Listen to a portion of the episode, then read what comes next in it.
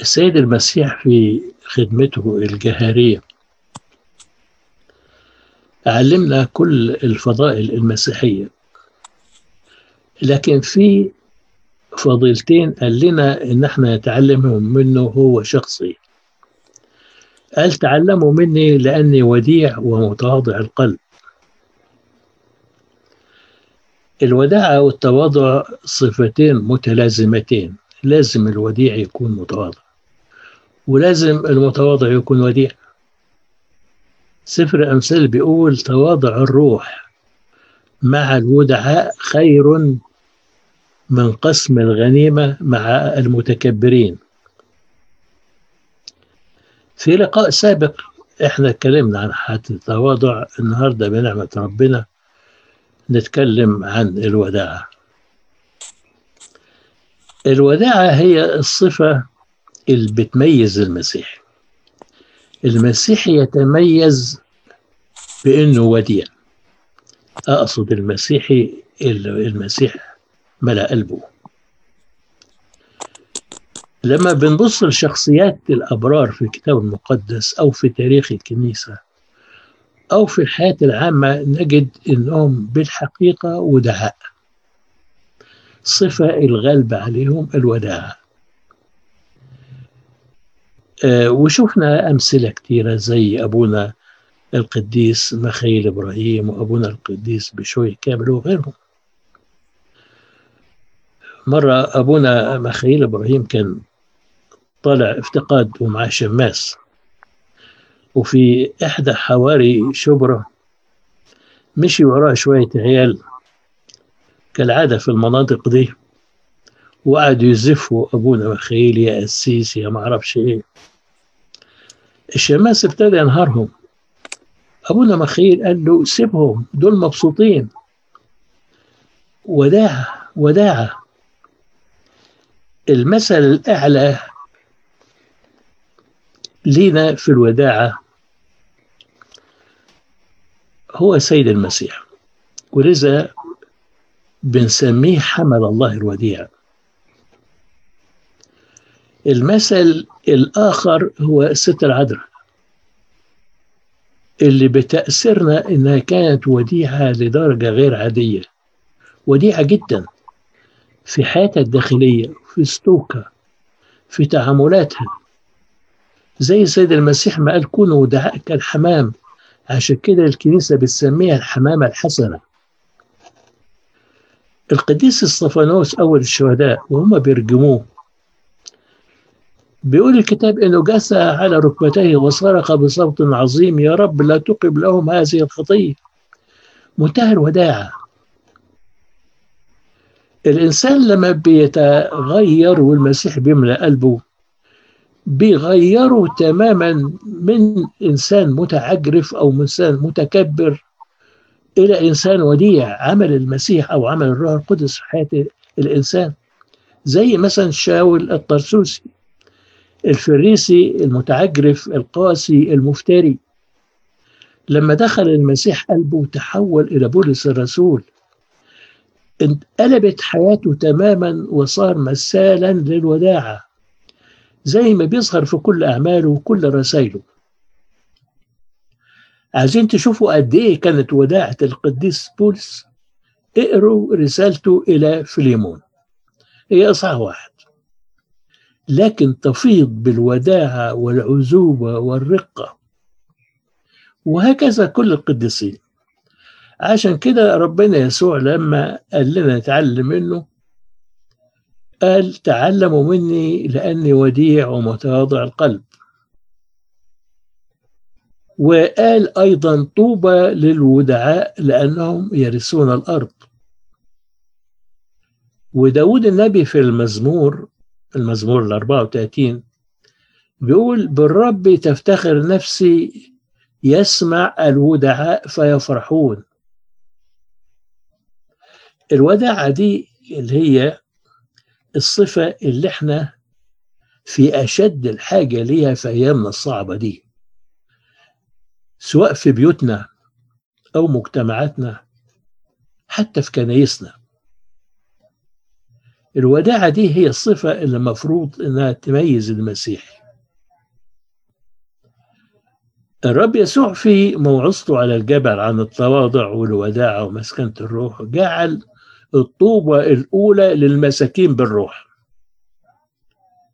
لأنهم يرثون ملكوت السماوات. والطوبة الثانية للودعاء الذين يؤهلون لمراس الأرض. الوداعة لأهميتها الشديدة في حياة الإنسان المسيحي وسلوكه الكنيسة بتوصينا بيها كل يوم كل يوم الصبح. الكنيسة بتذكرنا في صلاة باكر أول ما نصحى قبل ما نبتدي يومنا قبل ما نعمل أي حاجة الكنيسة بتنبهنا إزاي نسلك من بداية اليوم. رتبت في صلاة باكر فصل من رسالة معلمنا بولس الرسول إلى أهل أفسس. بيقول فأطلب إليكم أنا الأسير في الرب أن تسلكوا كما يحق للدعوة التي دعيتم بها. إيه اللي يحق بالدعوة التي دعينا بها؟ بيقول بكل تواضع ووداعة وبطول أناة محتملين بعضكم بعضا في المحبة. وصية الكنيسة لينا كل صبحية. السيد المسيح كان مثال لينا في حياته على الأرض. مثال الوداعة من أول ولادته في مزبط بسيط. حياته كلها عاش بكل وداعة وتواضع. كان بيعمل بإيديه نجار. كان لا يملك بيت ولا مكان يستريح فيه. وأما ابن الإنسان فليس له أين يسند رأسه. ودعته في دخول أورشليم ركب على حمار وهو الملك. بيقول زكريا النبي هوذا ملككم يأتي إليكم وهو عادل منصور وديع راكبا على حمار جحش بن أتان. إذا كان رب المجد وهو الخالق بكل هذه الوداعة والاتضاع فكم بالحري إحنا الخليقة. أبائنا القديسين اهتموا جدا بهذه الوصية وأكدوا عليها في كل كتاباتهم وتعاليمهم القديس بولس أوصى بها أهل أفسس زي ما شفنا الكنيسة حاطة الكلمة بتاعة القديس بولس في وصيته لأهل أفسس في صلاة باكر. وفي وصيته لتلميذه تيموساوس بيقول له عبد الرب لا يجب أن يخاصم بل أن يكون مترفقا بالجميع. صالحا للتعليم صبورا على المشقات مؤدبا بالوداعة المقاومين. يعني حتى في التأديب يكون بوداعة وبوصف تلميذه تيتوس بيقول له مظهرين كل وداعة لجميع الناس. والقديس يعقوب الرسول بيقول في رسالته من هو حكيم وعالم بينكم فليري أعماله بالتصرف الحسن في وداعة الحكمة. والقديس بطرس الرسول بيقول في رسالته الأولى مستعدين دائما لمجاوبة كل من يسألكم عن سبب الرجاء الذي فيكم بوداعة وخوف. إيه هي الوداعة يعني إيه وديع؟ في وداعة مصطنعة أو وداعة خارجية. يعني سلوك خارجي يعني إنه الإنسان يظهر بمظهر وديع. لزوم الشغل أو عشان الناس تمدحه مظهر. في وداعة مهنية زي هدوء وابتسامة مندوبين المبيعات والبياعين في المحلات واللي بيخدم عليك في ريستورانت ومضيفي الطيران أمثلة كتير يعني. دي كلها وداعة خارجية أو مصطنعة. وفي وداعة حقيقية أو وداعة داخلية.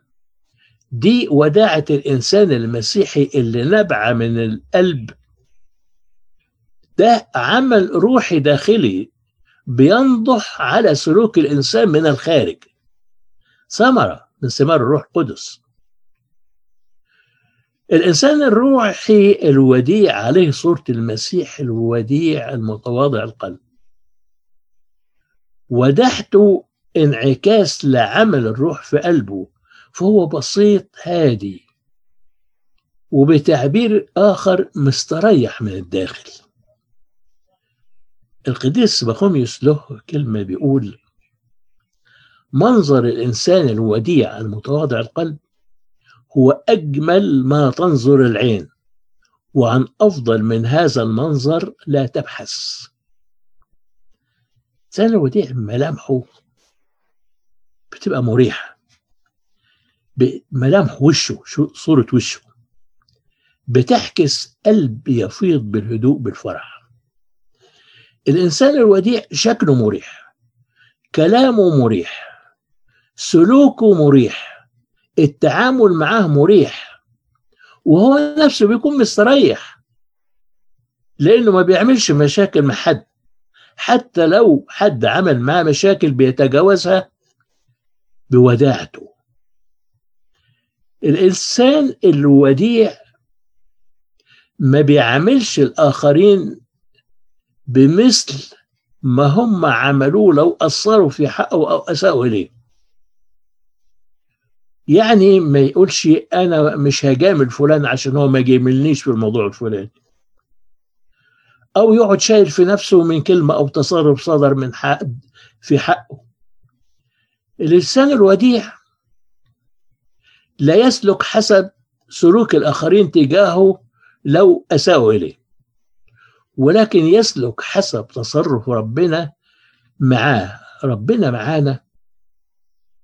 ياما أثرنا في حق ربنا واحتملنا وياما تعدينا على وصيته وغفر لينا. وياما ما عملناش حسب أعمالنا. الإنسان الوديع ما فيش حاجة بتفقده سلامه وبالتالي ما عندوش مشاكل. بتكون نفسيته مرتاحة.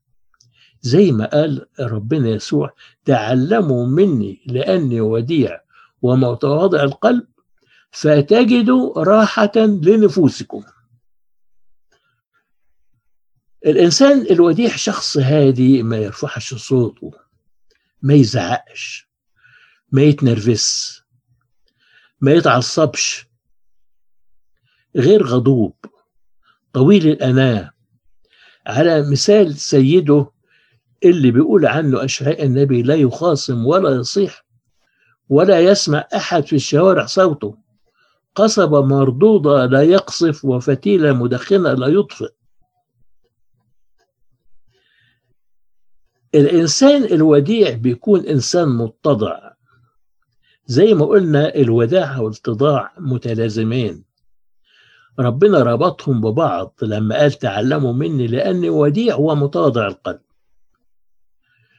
الإنسان الوديع ما عندوش تعاظم ما يحبش المرياسة ولا حب الظهور.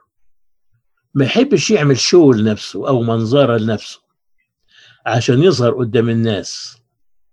كل اهتمامه بعلاقته الداخلية بربنا. ربنا عارف الناحية المرضية دي وحب الظهور عند كثير من الناس اللي ما عندهمش عمق روحي. عشان كده قال تعبيره المعبر لا تصوت قدامك بالبوق. الإنسان الوديع لا يحسد ما بيبصش للي في إيد غيره. ولا يشعر بغيرة من اللي عنده أكتر منه. لو واحد عنده أكتر من اللي عنده هو ما بيغيرش منه لأنه عنده اكتفاء روحي شبعان داخليا قلبه مليان وعينه مليانة. الإنسان الوديع محتمل يعني يحتمل الضيقات اللي ربنا ممكن يسمح بها ويحتمل أيضا المضايقات اللي ممكن تيجي من بعض الناس. بيحتمل الضيقات اللي ممكن ربنا يسمح بيها لأنه بيحيا حياة التسليم وعارف أنه ربنا بيعتني بيه وبيحتمل المضايقات اللي ممكن تصدر من الآخرين بصدر واسع وبطول بال بيسلك زي ما قال سفر الأمثال الجواب اللين يصرف الغضب. بيحتمل بمحبة. يعني احتمال من القلب. لأنه في البعض بيحتمل المضايقات من الظاهر من الخارج يعني من الظاهر. لكن لما حد بيضايقه بيحافظ على هدوءه الخارجي لكن من جوه بيبقى بيغلي ويتمنى الشر للمسيء ليه. عند غير المسيحيين بيسموه الكاظم الغيظ بمعنى إنه من الخارج يبقى هادي لكن من الداخل بيحمل الغيظ والكره والضغينة للي بيضايقه. الفكر المسيحي مختلف لأنه زي ما هو هادي من الخارج هو أيضا هادي من الداخل. لا يحمل غيظ ولا كره ده المفهوم المسيحي للوداعة. الإنسان الوديع بيكون إنسان رقيق المشاعر. يراعي شعور الآخرين. يراعي حقوق الآخرين. بيكون إنسان مجامل بقلبه فرحان مع الفرحين وبكاء مع الباكين لأنه بيحس بإحساسهم. الإنسان الوديع ما يجرحش الآخرين يعني بالبلدي كده ما يدبش في كلامه. ويقول أصل أنا صريح ولا قلبي في لساني. الإنسان الوديع بيحاسب في كلامه يدوق الكلمة قبل ما يقولها. في سفر يشوع بن سراخ بيقول لا تكن جافيا في لسانك. الإنسان الوديع ما يمسكش سيرة حد بسوء. ولا يشارك في مجالس الناس اللي بتمسك في سيرة الآخرين. برضو سفر يشوع ابن سيراخ بيقول لا تدعى نماما يعني بتمسك سيرة الناس ولا تختل بلسانك.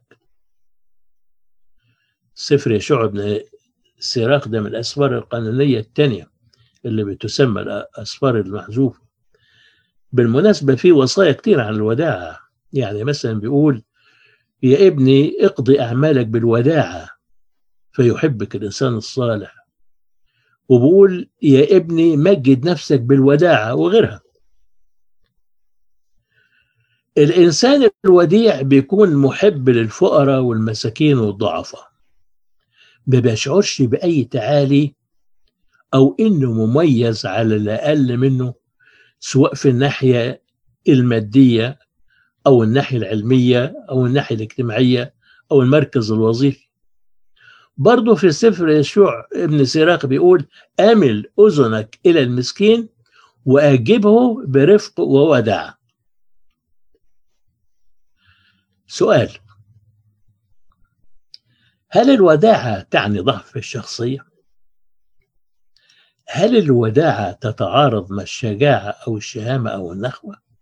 لا الوداعة مش معناها ضعف الشخصية ولا تتعارض مع الشجاعة.